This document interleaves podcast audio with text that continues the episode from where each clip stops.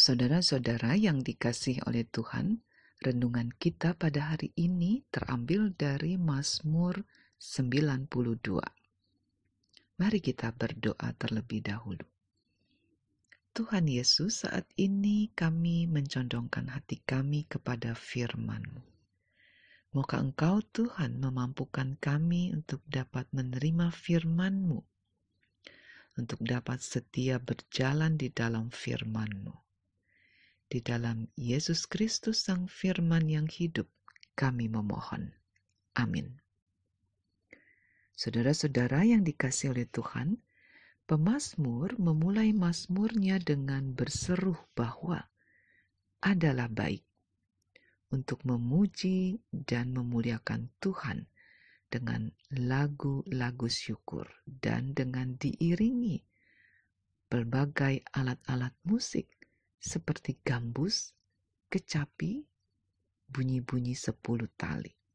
Dan hal itu dilakukan dengan tiada hentinya, yaitu baik di waktu pagi maupun waktu malam ayat 1 sampai 3. Alasan untuk menghanturkan pujian yang amat meriah ini diungkapkan dalam ayat yang kelima. Bahwa pemazmur bernyanyi memuji karena ia merasa terdorong oleh suatu rasa sukacita yang teramat besar. Sukacita akan karya-karya Allah, karya penciptaan Allah, karya penyelenggaraan ilahi, dalam alam semesta ini. Ia merasa bahwa karya-karya Allah itu begitu amat besar, amat agung, amat dalam, amat mulia. Dan orang bodoh dan orang bebal itu tidak bisa mengetahui atau menyadari keagungan, kebesaran, kedalaman, kemuliaan karya-karya Allah tersebut bahwa orang fasik dan orang jahat kelihatannya nasibnya baik, kelihatannya beruntung, hidupnya makmur secara ekonomis. Kelihatannya hidup mereka sangat berkembang pesat, tetapi akhir hidup mereka akan bermuara pada kehancuran untuk selamanya.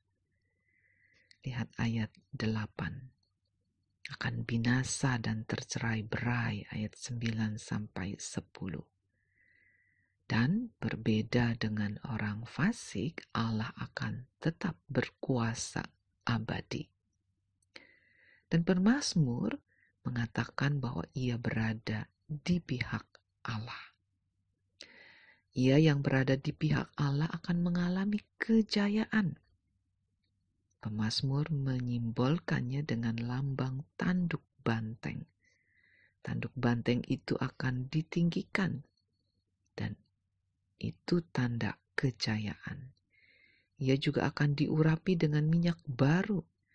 Ini juga dilambangkan sebagai satu kemakmuran hidup, lambang kenyamanan hidup. Nasib orang fasik bermuara pada kehancuran untuk selamanya.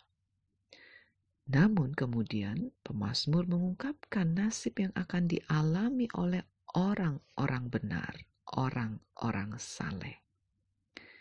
Mereka akan bernasib baik dengan diibaratkan dengan pohon yang tumbuh di tanah yang subur dan berair cukup ayat 13 ada dua pohon yang disebutkan di sini secara khusus, yaitu pohon korma dan pohon aras. Yang satu untuk makan dan yang lain untuk papan, perumahan, bahan bangunan. Dengan dua pohon ini disejajarkan dengan nasib orang benar atau orang saleh, pemazmur hendak mengatakan bahwa sebagaimana pohon korma tumbuh subur dan bertunas, dan pohon aras tumbuh subur di Libanon, demikian juga orang benar akan tumbuh subur dan bertunas di pelataran Allah di bait Allah. Ayat 14. Artinya bahwa orang benar ketika ia tetap konsisten berada dekat Allah selama-lamanya, ia akan benar-benar hidupnya dapat memuliakan Allah selamanya.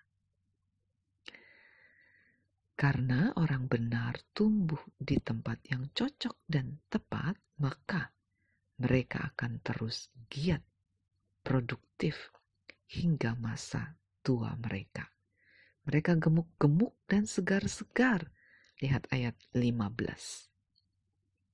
Artinya, orang benar atau orang saleh akan tetap kuat, antusias untuk mewartakan kebenaran Allah mewartakan bahwa Allah itu benteng yang perkasa yang disimbolkan dengan gunung batu.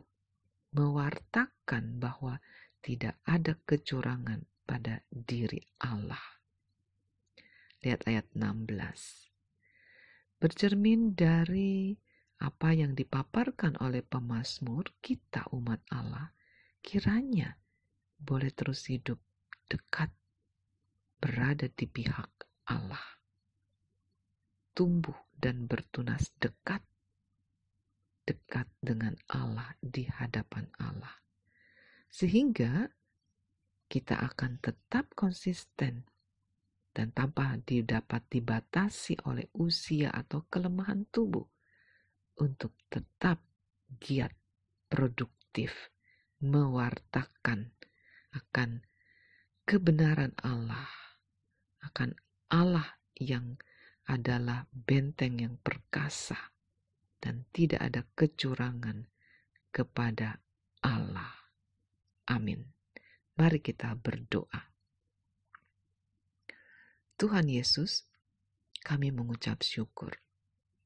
Paparan pemazmur ini mengingatkan kepada kami apabila kami bertumbuh subur di pelataran, di bait Allah, yang merupakan gambaran dari kehadiran Allah.